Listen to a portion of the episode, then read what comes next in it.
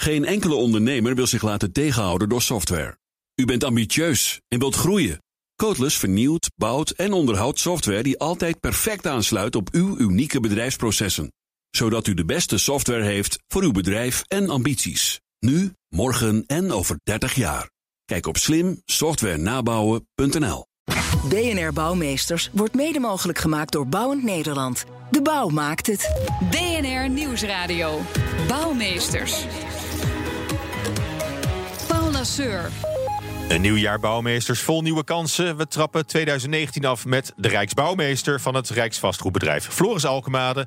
En we gaan het hebben over Panorama Nederland. En dat is zijn toekomstvisie op de ruimtelijke inrichting van Nederland. Hartelijk welkom, meneer Alkemade. Ja. Goed dat u er bent. Ja, een nieuw jaar, dus ook een eh, nieuwe opening van het programma. We bespreken voortaan elke week het bouwnieuws van onze gast. En eh, wat is uw bouwnieuws eh, van deze week? Nou, ik zag in de NRC een mooi stuk staan over uh, de verbouwing van Huis ten Bos. Hè, waar onze majesteiten nu aan het inhuizen zijn. En uh, als Rijksbouwmeester... Weg uit de Eikenhorst en, en naar een echt paleis weer. Ja, nee, precies. Zoals het hoort hè, bij, bij een koning en een koningin. En, uh, nou, het is natuurlijk een project waar ik als Rijksbouwmeester nauw bij betrokken ben geweest. En veel inspanning gevraagd. maar een prachtig resultaat. Een mooie... hoe, hoe, hoe, ver ging uw betrokkenheid bij dit project? Nou, het project was natuurlijk grotendeels al opgestart voordat ik Rijksbouwmeester werd. Mm. Ik uh, ben eigenlijk vooral bezig geweest uh, met tijdens de bouwperiode. Hè, om te zorgen dat dat uh, de kwaliteiten haalt die nodig zijn. En met name ook bij de kunsttoepassingen. Twee salons krijgen ook in het kader van de percentageregeling mooie nieuwe kunstwerken. En die hebben we vandaag opgeleverd. Oké, okay, ja. 1% van de, van de bouwsom, van de verbouwsom. Uh, ja, of, zo, of is, is, het wat uitgelopen? Nee, het is wat minder geworden. het is, uh, uiteindelijk is dat uh, altijd via moeilijke tabellen wat wel en niet meegaat. het zijn geen uitzinnige bedragen, maar veel betekenende kunstwerken geworden. Ja, kunt u al wat over zeggen? Of wordt het nog Nou, dat gaan we in maart, april gaan we dat publiekelijk presenteren. En het is mooi om te zien hoe het paleis daarmee en zijn historie bewaart, maar ook een stap in de toekomst zet. En hoe kijkt u, uh, hoe kijkt u terug op, op de verbouwing en op het resultaat? Bent, bent u tevreden over hoe het geworden ja, is? Ja, zeker. Het was geen eenvoudig proces. Het is een lastig, oud 17e eeuws uh, paleis. En, en veel van wat je moet doen zie je... Asbest. Asbest. maar veel zie je pas als je bezig bent. Hè. En... ehm, Kijk, het is, uh, groot, zijn grote bedragen. Dat gaat niet naar uitzinnige luxe. Dat gaat echt naar restauratie van een oud, prachtig gebouw. Oké, okay, en dat is weer een oude luister helemaal ja, zeker, hersteld. Zeker. Nou, die verbouwing die duurde wel twee keer zo lang als uh, gepland. Kostte ook twee keer zoveel, grofweg. Ja, ik, ja, ja nee, het is... ja, ruim 60 miljoen in plaats van 30. Ja, ja. Nee, dat, dat, is, dat, dat, lijkt, dat lijkt wel normaal. Nou, dat is niet normaal, maar het is wel bij dit soort complexe projecten... waarin je eigenlijk voordat is, je is begint, lastig te begroten voor. Is dat heel lastig te begroten. En uh, het zat wat dat betreft ook zeker niet mee. Hm. Uh, tegelijkertijd denk ik, als je een koningshuis in stand houdt... dan heb je ook de plicht om dit soort om paleizen... te doen. Om het goed te doen. Hè? Ja, en, ja, in dat licht gezien valt het eigenlijk allemaal wel weer mee. En is dat dan nog iets waar u zich voor moet uh, verantwoorden... als Rijksbouwmeester, dat een Rijksverbouwing een beetje uit de hand loopt? Nee, Rijksbouwmeester bewaakt de architectonische kwaliteit in dat geval. En uiteraard heeft dat een hele directe relatie met de financiering. Maar ik ben niet degene met de rekenmachine die gaat... Ja tellen of alles klopt. Ge gelukkig niet, gelukkig misschien wel. Niet. Nee. Nee, nee. Nou ja, als we dan toch over uw functie hebben. Want, want u bent ook architect, hè? U heeft een bureau. Ja. Ik heb een bureau uh, op dit moment in Parijs. Ik werk daar veel. En um, een rijksbouwmeesterschap doe je eigenlijk naast je bureau.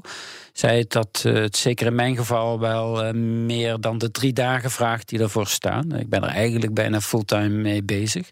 Hoe, uh, hoe komt het dan? Dat het, uh, dat, dat het ook niet binnen de geplande hoeveelheid... Uh... Nou, omdat ik het erg leuk vind vooral. En ook heel relevant. in die zin trek ik graag meer zaken naar me toe... dan eigenlijk strikt genomen noodzakelijk ja. zou zijn. Maar, maar het is een adviesrol, hè?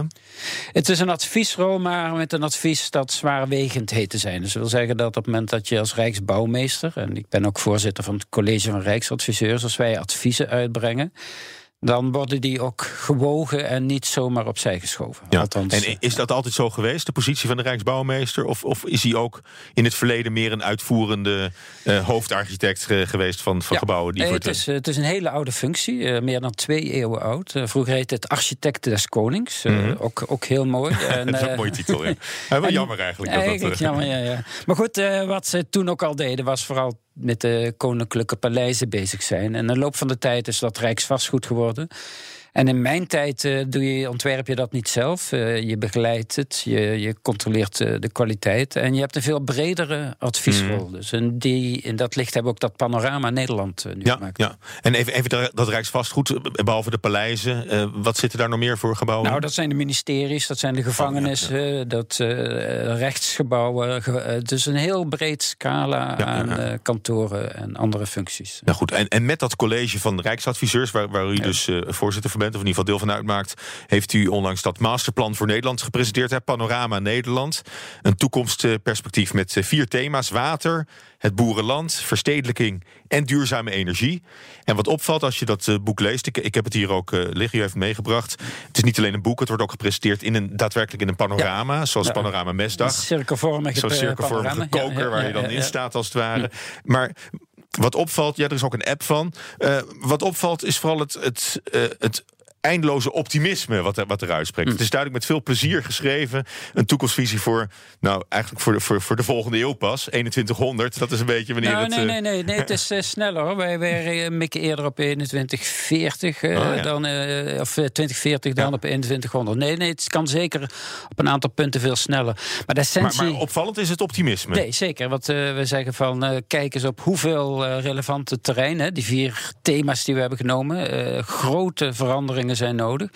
Zeldzaam dat de generatie zulke relevante thema's een beslissende wending kan geven. En uh, wij kijken eigenlijk ook terug naar bijvoorbeeld een tijd als de wederopbouw. Hè, toen ze het absoluut heel veel moeilijker hadden dan wij nu. Hè. En, en dat optimisme wat ze toen hadden om een nieuwe maatschappij op te bouwen alles pleit ervoor om nu hetzelfde optimisme toe te passen. Want daar vergelijkt u het echt mee. U heeft echt het idee dat we in, in zo'nzelfde tijdsgevricht staan als net na de ja. oorlog. Nee, er zal heel veel anders moeten. Hè? En uh, dat geldt. Uh, de, de energietransitie, duurzaamheid, ja. uh, waterbeheer. Precies, hè? en dat zijn grote vragen. Soms betreft ze gewoon het lot van een hele planeet, hè, als je het ja. over de klimaatverandering hebt. Tegelijkertijd, uh, je kunt, en zeker met de kennis en de welvaart die we in Nederland hebben, daar hele belangrijke stappen in zetten. Ja. En als je dat in samenhang bekijkt, dat is eigenlijk onze belangrijke boodschap, uh, dan komen er ineens prachtige kansen naar boven. Ja, want die andere rijksadviseurs, die, die zijn dan niet van de, van de gebouwen, maar. We hebben een, ja, ze heet uh, Rijksadviseur van de fysieke leefomgeving, maar ze vertegenwoordigen enerzijds uh, het meer het landschappelijke deel, mm. anderzijds het meer het infrastructuur. Oh, dus dat is, het, dat is het complete ja, plaatje ja. dan van, van de gebouwde omgeving, dus eigenlijk uh, ook. En uh, ja, schoner, hechter en rijker Nederland in de toekomst. Dus eigenlijk neemt u al die uitdagingen bij elkaar. En denkt u van als we, het, als we het in samenhang bekijken en benaderen, kunnen we uiteindelijk tot een, tot een nog fijner Nederland uh, komen? Ja. Nee, want kijk, de proble problemen zijn complex. En uh, vaak zie je dan dat mensen heel sectoraal gaan denken. Van laat mij dit deel dan maar be behappen. En dan kan ik daar stappen in zetten. Maar wat je eigenlijk altijd ziet, is dat je daarmee de logica van het hele systeem onderuit haalt. Hè? De oplossing van de een wordt het probleem van de ander. Pas als je het ruimtelijk bekijkt, en integraal en ook vanuit de lange termijnblik, ga je ineens verbanden zien die een soort andere logica in het verhaal brengen. Ook een andere financiering mogelijk maken. Kunt u daar een voorbeeld van geven?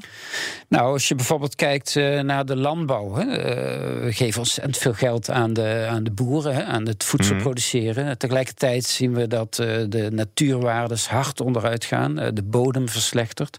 En de boeren blijven straatarm. Hè. Dus dat systeem werkt niet. Hè? Dus met het Rijk Boerenland, een van de hoofdstukken, zeggen van nou, wat als je het nou omkeert? Hè? Als je nou zegt, we nemen de draagkracht van de bodem als uitgangspunt. En als maatschappij vragen wij een andere en duurzame voedselproductie. We vragen mm. mooiere landschappen, we vragen natuurontwikkelingen. Laten we dat dan onderdeel maken van het verdienmodel van de boeren. Zodat ze uiteindelijk een goed inkomen ja. verdienen, maar op een manier dat het landschap er beter van wordt. En het intensieve werk, dat moet dan maar naar een industrieterrein. Ja, kijk, je hebt, uh, als je kijkt naar de, de nieuwe kassentechnieken. Ongelooflijk knap en efficiënt hoe die voedsel produceren. Dat is een industrialisering van de voedselproductie waar we heel veel plezier en welvaart van hebben. Maar zeggen we, haal dat soort functies nou van het platteland mm. af. Hè. Breng dat gewoon naar de mainports, breng dat naar de grote infrastructuur. En maak het platteland vrij voor andere hele belangrijke taken. En wat, wat zijn dat? Nou, in een verstedelijk land als Nederland is recreatie, natuurontwikkeling, landschappelijke kwaliteit, maar ook eh, de biodiversiteitsontwikkeling ontzettend belangrijk. En je kunt hele andere vormen van voedselproductie gaan ontwikkelen, waarbij natuurwaarde en voedselproductie samen hand kunnen gaan, gaan. En ehm, nou wilt u met dit rapport. Lijkt het ook wel een, een, een gids zijn als Nederland in, in duurzaamheid? Hè? Ja, kijk, want eh, iedereen, kijk, op het moment dat je optimistisch bent, eh, is dus een naïviteit ligt dichtbij. Hè? En eh, wat wij zeggen van. eh, Kijk, want vaak krijg je te horen, ja, Nederland is zo klein, wat wij ook doen op wereldschaal zal het niet uitmaken. Hè? En ja, dat kun je een rekenmachine langsleggen, dan klopt dat misschien ook wel. Maar wat wij zeggen, als een land als Nederland het niet lukt, hè, met zijn goed opgeleide bevolking, met al zijn welvaart, dan lukt niemand het. Andersom geredeneerd, als wij het wel voor elkaar krijgen, dan kunnen we echt weer eens een keer eh, gidsland zijn voor een hele wereld die aan het zoeken is naar duurzame principes. Ja. En het is niet dat, dat het nu al nog ergens misgaat waarvan u zegt dat dat moeten we nu eh, bijsturen.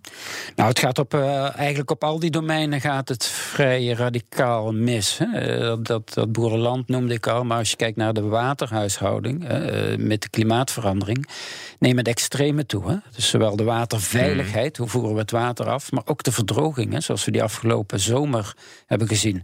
Kijk, en zo'n waterhuishouding kun je ook weer combineren met een ander verdienmodel voor de boeren. Hè. Laat de boeren het landschap onderhouden op een nieuwe manier. U pleit al jaren voor onder meer het eh, terugdraaien van de scheiding tussen wonen en werken. Hè. Dat was altijd het doel van wonen en werken moeten we uit elkaar houden. Maar dat is eh, best iets wat we dichter bij elkaar kunnen brengen in de stad. Ja, uiteindelijk eh, is dat hoe steden altijd heel goed gefunctioneerd hebben. En daar moeten we eigenlijk naar terug. En het kan ook. Hè. Heel veel van het werk is tegenwoordig ook achter schermen. En veel makkelijker in de stad te integreren dan die oude fabrieken van vroeger. Ja. Dus in uw plan gaat, gaat de verstedelijking nog verder. Dus meer mensen die naar de stad bewegen.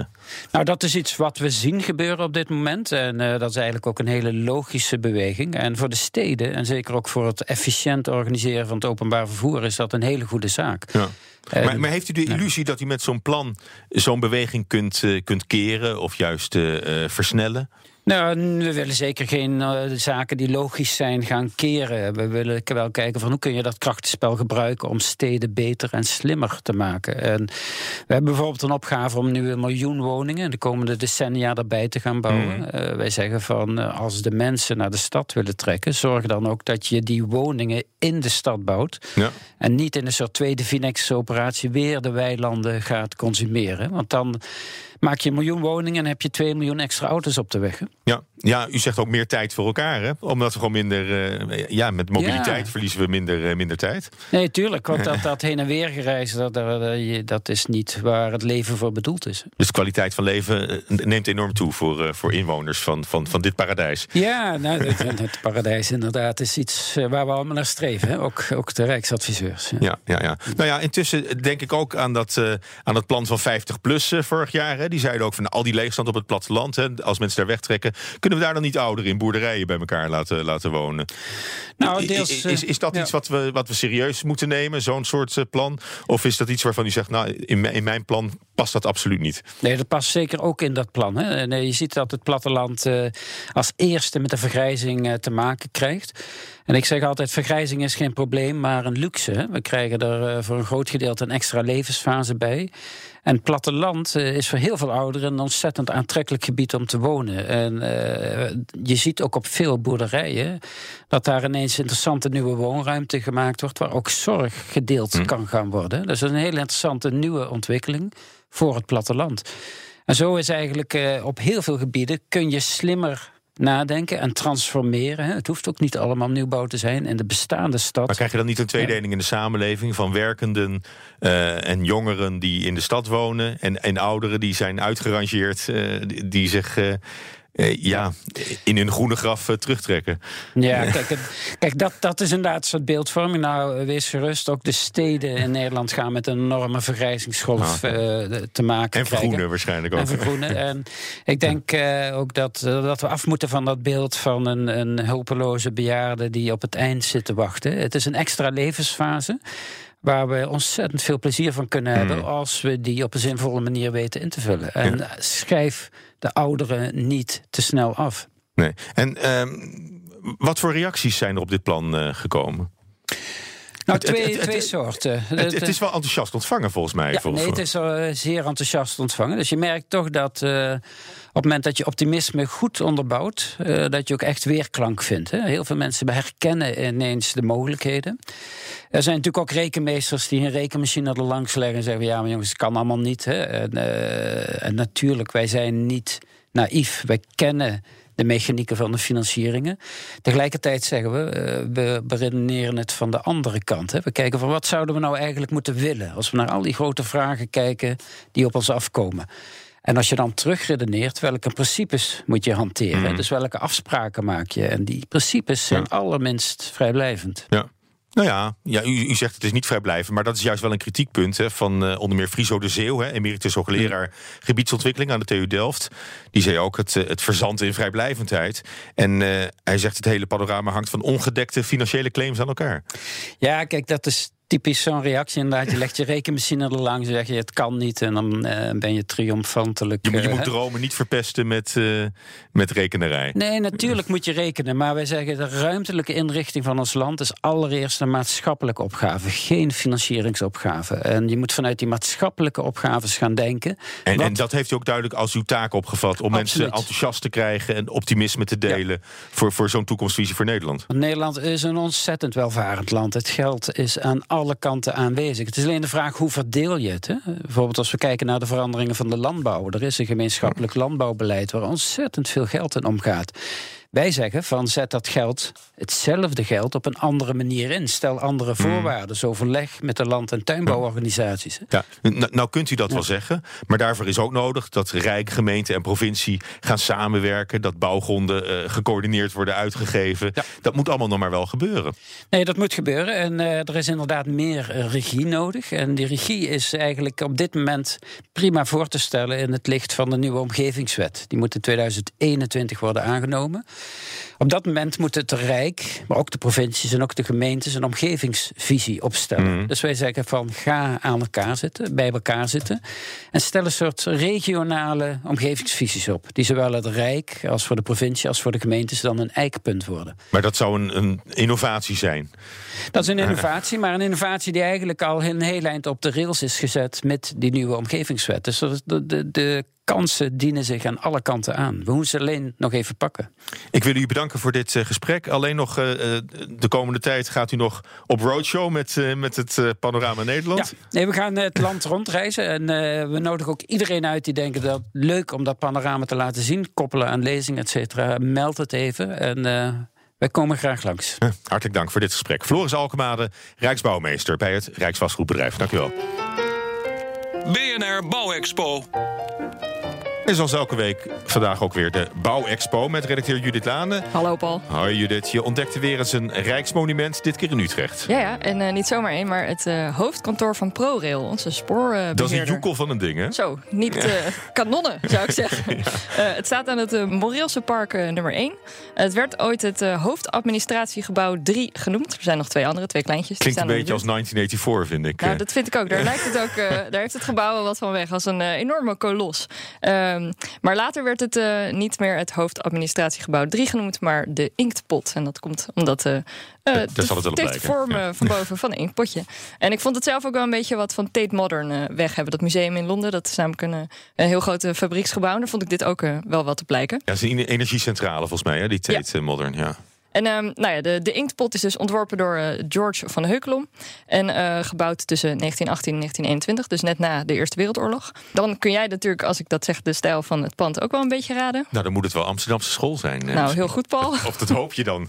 ja, nou, wel een beetje. Want Van Heukelom die was bevriend met Eduard Kuipers. En zijn architectenbureau was de broedplaats van de Amsterdamse school. Oké, en eh, Wordt wel genoemd zo. hoe ziet het eruit?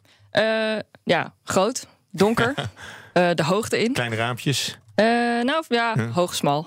Ehm, maar het is, eh, ja, het is een bijzonder gebouw, omdat, eh, en daarom heb ik het ook uitgekozen, omdat het het grootste bakstenengebouw van Nederland is. En het heeft 22 miljoen bakstenen.